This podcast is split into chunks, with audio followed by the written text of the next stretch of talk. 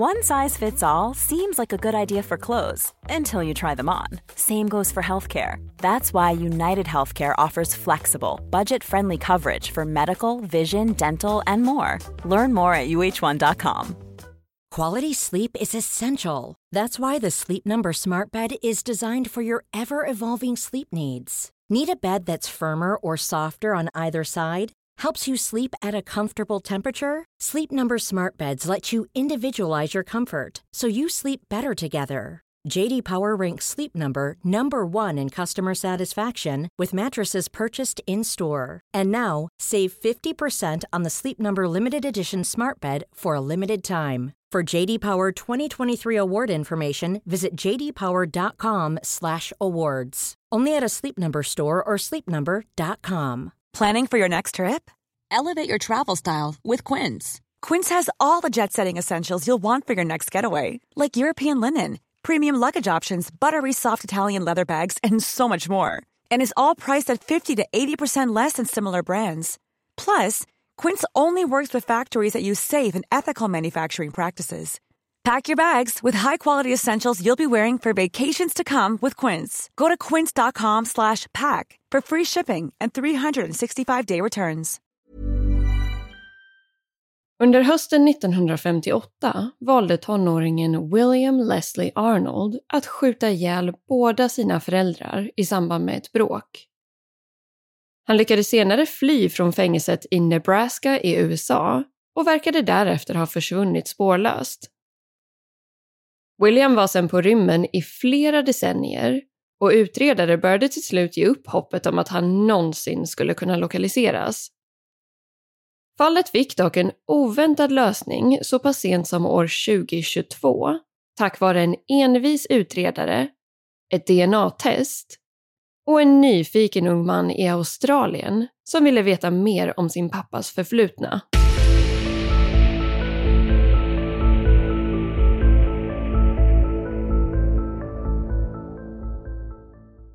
Hej på er och varmt välkomna ska ni vara till en ny vecka och ännu ett avsnitt av Rysapodden.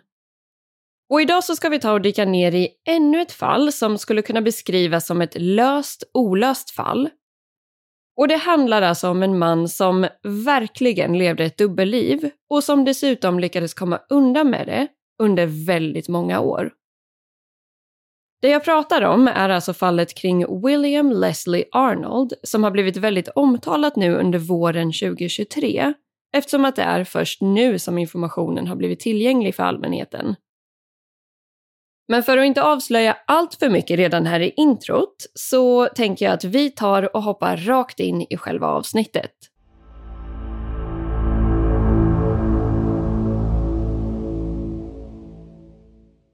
Den här ofattbara historien började så pass tidigt som hösten 1958 och händelserna utspelade sig i Omaha som ligger i delstaten Nebraska i USA. Här bodde 16-åriga William Leslie Arnold tillsammans med sina föräldrar och sin bror James. Under en helt vanlig höstdag så hade William planer på att ta med sin flickvän på en drive-in bio och ville därför låna sina föräldrars bil. De ska då ha sagt att han inte fick låna bilen, vilket i sin tur ledde till ett stort bråk. Men det här bråket slutade inte med att William blev sur och låste in sig på sitt rum under resten av kvällen. Utan det som hände istället var att William blev så pass arg att han valde att skjuta ihjäl båda sina föräldrar. Han grävde sedan ner deras kroppar i familjens egen trädgård, hoppade in i bilen plockade upp sin flickvän och åkte iväg till bion. Väl där såg de, ironiskt nog, en film som heter The Undead. Därefter levde William vidare i familjens bostad och fortsatte med sitt liv utan sina föräldrar, precis som om ingenting hade hänt. Bland annat gick han både i skolan och i kyrkan under den här perioden. Hans bror James var lyckligtvis inte hemma när det här hände, men därför fanns det heller inga vittnen till morden. Men som man kanske hade kunnat gissa så började snart både familj, vänner och bekanta undra över vart föräldrarna egentligen hade tagit vägen. När folk frågade så sa William att de hade åkt iväg på en resa. En förklaring som funkade ett litet tag, men som definitivt hade sina brister och som såklart inte kändes överdrivet trolig. Det dröjde därför inte länge innan polisen insåg att det var han som låg bakom morden och William greps ungefär två veckor senare. Enligt uppgift ska hans lögner ha avslöjats i samband med att hans mor eller farföräldrar var på besök i stan och då givetvis ville träffa Williams föräldrar. I samband med själva gripandet så gjorde William inget vidare motstånd och erkände att han hade mördat sina föräldrar. Han var samarbetsvillig och ledde polisen till exakt den platsen i trädgården där han hade begravt kropparna. Och det finns faktiskt en massa gamla svartvita fotografier från just det här ögonblicket. På en av bilderna kan man då se en väldigt ung kille med lite sådär James Dean-inspirerad stil som står bakom ett staket och är omringad av massa poliser och fotografer. Hans händer är också fastkedjade med två polisers händer för att han inte skulle kunna rymma iväg. Trots detta så måste man säga att eh, William ser ut att vara ganska så obrydd och opåverkad av hela den här situationen. I alla fall på utsidan. Under den följande rättegången, som ägde rum år 1959, erkände han sig skyldig till att ha mördat båda sina föräldrar.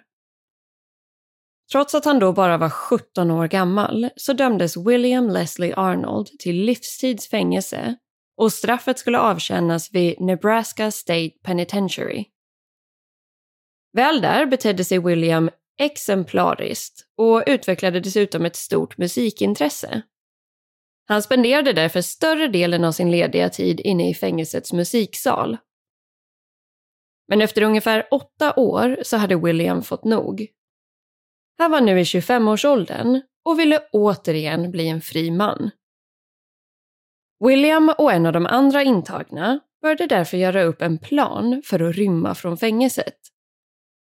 En plan som de faktiskt också lyckades utföra i juli 1967. De begav sig då från Nebraska och tog sig sedan hela vägen till Chicago där de valde att gå skilda vägar. Efter ett tag åkte hans rymningspartner fast och han skickades tillbaka till fängelset i Nebraska. Men William däremot lyckades hålla sig undan. Till slut hade väldigt många år passerat och det fanns fortfarande inga spår av William. Detta trots att utredningen faktiskt leddes av FBI ända fram till 90-talet. Sen skickades ansvaret runt bland lite olika avdelningar och instanser och landade till slut hos United States Marshal Service, eller US Marshals, som bland annat brukar hantera administrationen kring förrymda fångar. Just den här specifika utredningen och jakten på William Leslie Arnold råkade sedan hamna i knät på utredaren Matthew Westover och det här var i augusti år 2020. En kollega till Matthew skulle då lämna sin tjänst och i samband med det här så behövde han lämna över alla sina aktiva utredningar till sina kollegor. Han valde då att ge just Williams fall till Matthew och det här ska nästan ha varit lite på skämt. Det kändes ju nämligen inte jättetroligt att man helt plötsligt skulle lyckas fånga en person som hade varit på rymmen i drygt 50 år. Men Matthew började läsa på om fallet och blev genast väldigt intresserad. Enligt honom själv så ska han till och med ha blivit lite smått besatt och bestämde sig för att han minsann skulle ta och lösa det här fallet. Utifrån att man inte hade haft särskilt mycket tur i den tidigare utredningen så insåg Matthew att han behövde testa någonting nytt.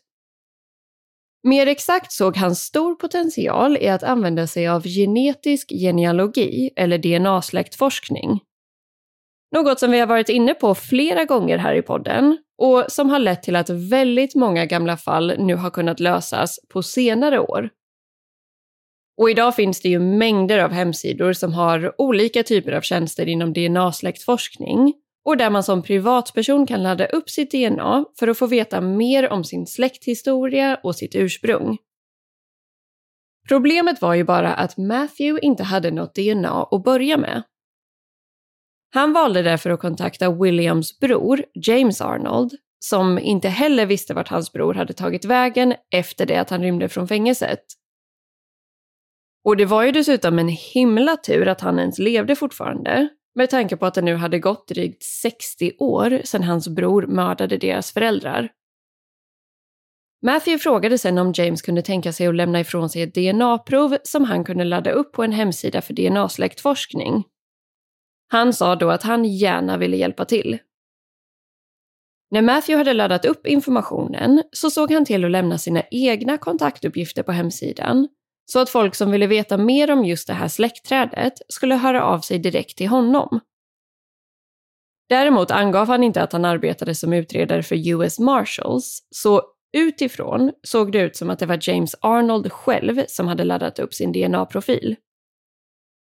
Till en början ledde inte det här arbetet till några nya ledtrådar och Matthew fortsatte istället gräva vidare i gamla filer och dokument i hopp om att kunna hitta någonting annat som skulle kunna leda honom till William. Men sen, så pass sent som förra året, alltså 2022, så hände det som Matthew hade hoppats på. Han fick då en notis om att en annan persons DNA-profil hade kunnat matchas ihop med James Arnolds DNA som hade laddats upp två år tidigare. Det visade sig dessutom att det inte bara var en matchning, utan en så pass bra matchning att det måste vara en nära familjemedlem. Personen som hade laddat upp sitt DNA, en ung man, började sedan skicka meddelanden till Matthew. Bland annat skrev han följande. Hej, jag försöker hitta mer information om min pappa. Han var föräldralös och kom ursprungligen från Chicago. När Matthew fick syn på det här meddelandet reagerade han väldigt starkt på ordet föräldralös. För tekniskt sett så var ju William föräldralös, även om det faktiskt var han själv som hade orsakat situationen genom att mörda sina egna föräldrar. Men detta i kombination med DNA-matchningen gjorde att Matthew ganska direkt insåg att den personen han nu kommunicerade med troligtvis var Williams egen son.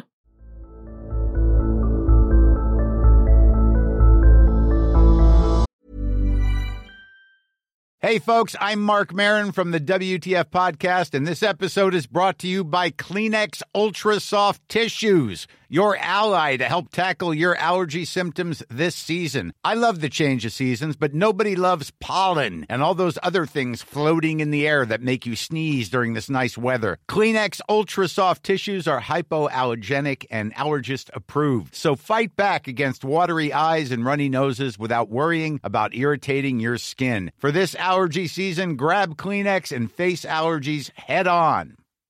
Millions of people have lost weight with personalized plans from Noom, like Evan, who can't stand salads and still lost 50 pounds. Salads, generally, for most people, are the easy button, right? For me, that wasn't an option. I never really was a salad guy. That's just not who I am. But Noom worked for me. Get your personalized plan today at Noom.com. Real Noom user compensated to provide their story. In four weeks, the typical Noom user can expect to lose one to two pounds per week. Individual results may vary. One size fits all seems like a good idea for clothes until you try them on. Same goes for healthcare. That's why United Healthcare offers flexible, budget friendly coverage for medical, vision, dental, and more. Learn more at uh1.com.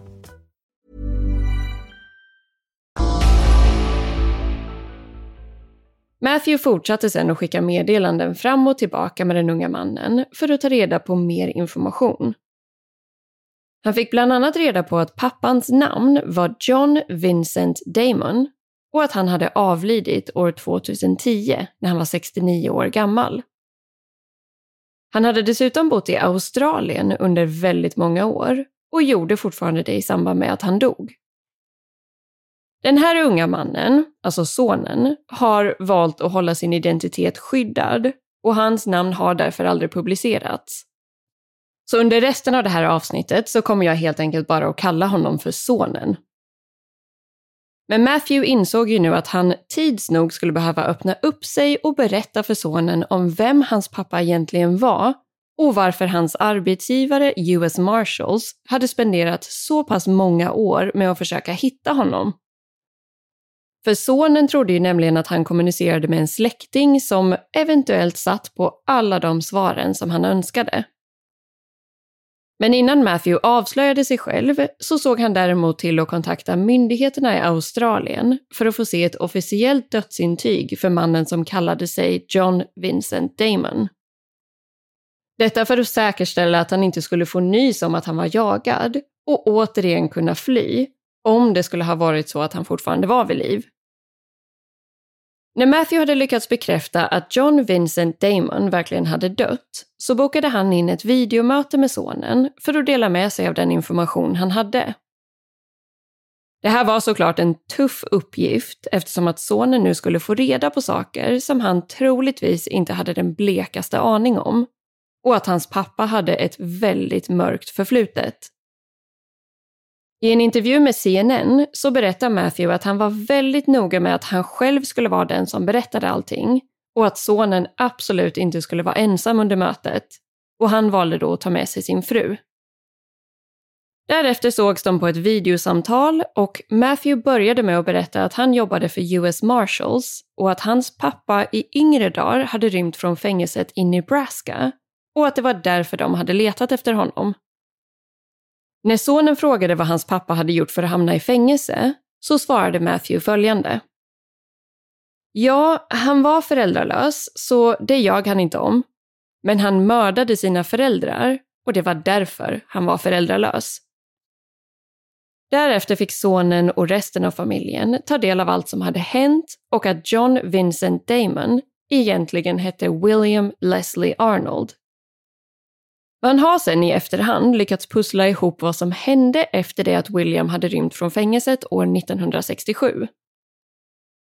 Det ska dock sägas att informationen om hans liv varierar väldigt mycket beroende på källa. Men i stora drag vet man ungefär vad som hände, även om vissa detaljer, beskrivningar och årtal skiljer sig åt en del.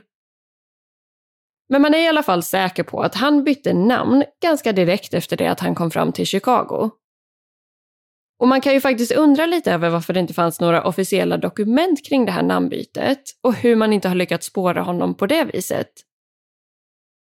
Samtidigt så var ju det här under slutet av 60-talet och idag hade det nog sett väldigt annorlunda ut och informationen hade nog varit ganska mycket enklare att kunna spåra. Men efter namnbytet så började han att arbeta på en restaurang där han träffade en kvinna som han också valde att gifta sig med. Den här kvinnan var skild och ensamstående mamma till fyra barn som William hjälpte till att ta hand om. Familjen ska sedan ha flyttat runt till flera olika städer, bland annat Miami, Los Angeles och Cincinnati. Den här relationen höll däremot inte i längden och William, eller John som han nu hette, flyttade sen till Nya Zeeland under 90-talet. Ett par år senare flyttade han vidare till Australien där han gifte om sig med en ny kvinna och de fick dessutom två barn tillsammans. John hade därefter ett väldigt bra, stabilt och lyckligt liv i Australien tillsammans med sin familj. Han arbetade bland annat som säljare och fick dessutom möjligheten att resa en hel del i tjänsten. John och hans andra fru höll sedan ihop ända fram till den dagen han dog år 2010, när han alltså var 69 år gammal. Och drygt 12 år senare så valde alltså hans son att ladda upp sitt DNA på en hemsida eftersom att han var lite nyfiken på sin pappas förflutna, vilket ledde till att han och resten av familjen fick reda på allt det här. Något som förmodligen aldrig skulle ha hänt om han inte hade börjat dra i de här trådarna själv. Informationen om Johns tidigare liv och identitet kom som en total chock för familjen och ingen av dem, inte ens hans fru, hade den blekaste aning om hans förflutna. Matthew och hans kollegor har uttalat sig om att de upplevde en viss lättnad över faktumet att William, eller John, faktiskt hade avlidit innan de hittade honom. För om han hade varit vid liv så hade ju de behövt slita loss honom från sitt nya liv i Australien och se till att han blev deporterad tillbaka till USA och åtalad för morden där. Och då skulle han dessutom ha varit ungefär i 80-årsåldern. Så på många sätt hade det nog blivit ännu jobbigare för familjen att hantera. Matthew och några fler kollegor valde sen att resa till Australien för att säkerställa att allting stämde, för att träffa familjen och framförallt för att kunna få ett ordentligt avslut på hela det här fallet. De har uppgett att John lämnade bakom sig en otroligt fin familj och att han och hans fru hade gjort ett fantastiskt jobb med att uppfostra sina barn. Matthew har också sagt följande om William eller John. Jag tror att han i slutändan blev den föräldern han verkligen ville vara, eller som han själv önskade att han hade haft. Och med det sagt så kan det också vara värt att nämna att det finns vissa teorier om att det kanske fanns andra saker som pågick i Williams liv och att han inte valde att mörda sina föräldrar endast på grund av att han inte fick låna deras bil för att åka på bio. Det verkar dock inte finnas så mycket konkret fakta eller information om det här, men eh, man kan ju absolut förstå resonemanget och att det såklart vore mer logiskt om det egentligen hade handlat om något mer än så. Men sammanfattningsvis så kan man ju säga att eh, John Vincent Damon må ha haft ett mörkt förflutet som William Leslie Arnold. Trots detta lämnade han efter sig en familj som fortfarande har många fina minnen av John som en fantastisk make och pappa. Hans son har som sagt valt att skydda sin identitet och att inte prata offentligt om fallet Däremot har han delat med sig av sina tankar kring situationen till bland annat CNN. Så jag tänkte faktiskt att vi ska ta och avsluta den här veckans avsnitt med just det här citatet. Och det lyder så här. Det finns inga varningsmeddelanden på testkittet för den här typen av DNA-prov om att man kanske kommer få reda på saker som man inte kommer gilla. Men jag ångrar inte att jag gjorde det och jag är tacksam över att jag nu vet sanningen om min pappa. Givetvis är det chockerande att få veta att hans liv började med så pass fruktansvärt brott. Men hans arv består av mycket mer än så. Jag vill att han ska bli ihågkommen som en bra pappa och försörjare för vår familj och för att ha gett mig en passion för musik och en strävan för att alltid försöka vara en så bra person som möjligt.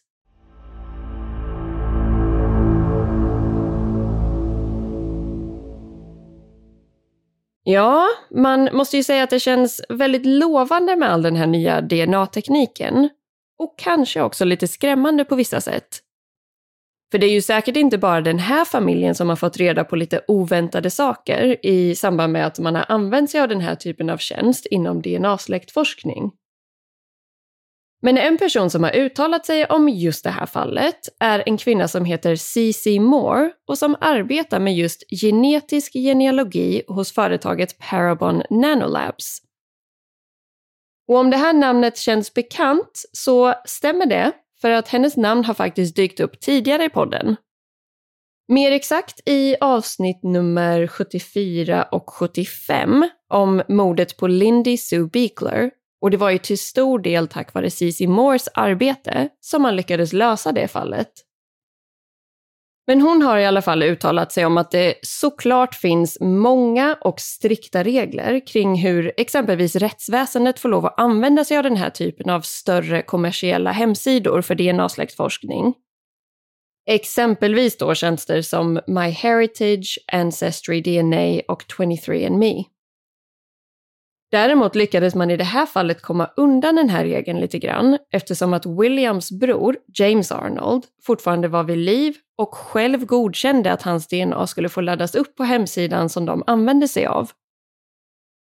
I en artikel från The Guardian så har Cici också uttalat sig om att man skulle kunna lösa betydligt fler gamla fall om den här typen av kommersiella DNA-databaser blev mindre restriktiva och om exempelvis företag som Parabon Nanolabs kunde få tillgång till deras data. För idag är ju fortfarande många av de här hemsidorna reserverade för privatpersoner som vill veta mer om sin släkt och sitt ursprung.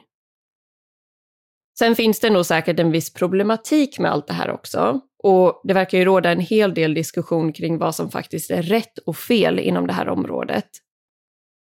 Men oavsett så tycker i alla fall jag att det här känns som ett väldigt intressant område som man säkert kommer att få höra betydligt mer om framöver. Och med det sagt så har det blivit dags att runda av för den här veckan. Så jag säger helt enkelt tusen tack för att just du har valt att lyssna på det här avsnittet av Rysapodden.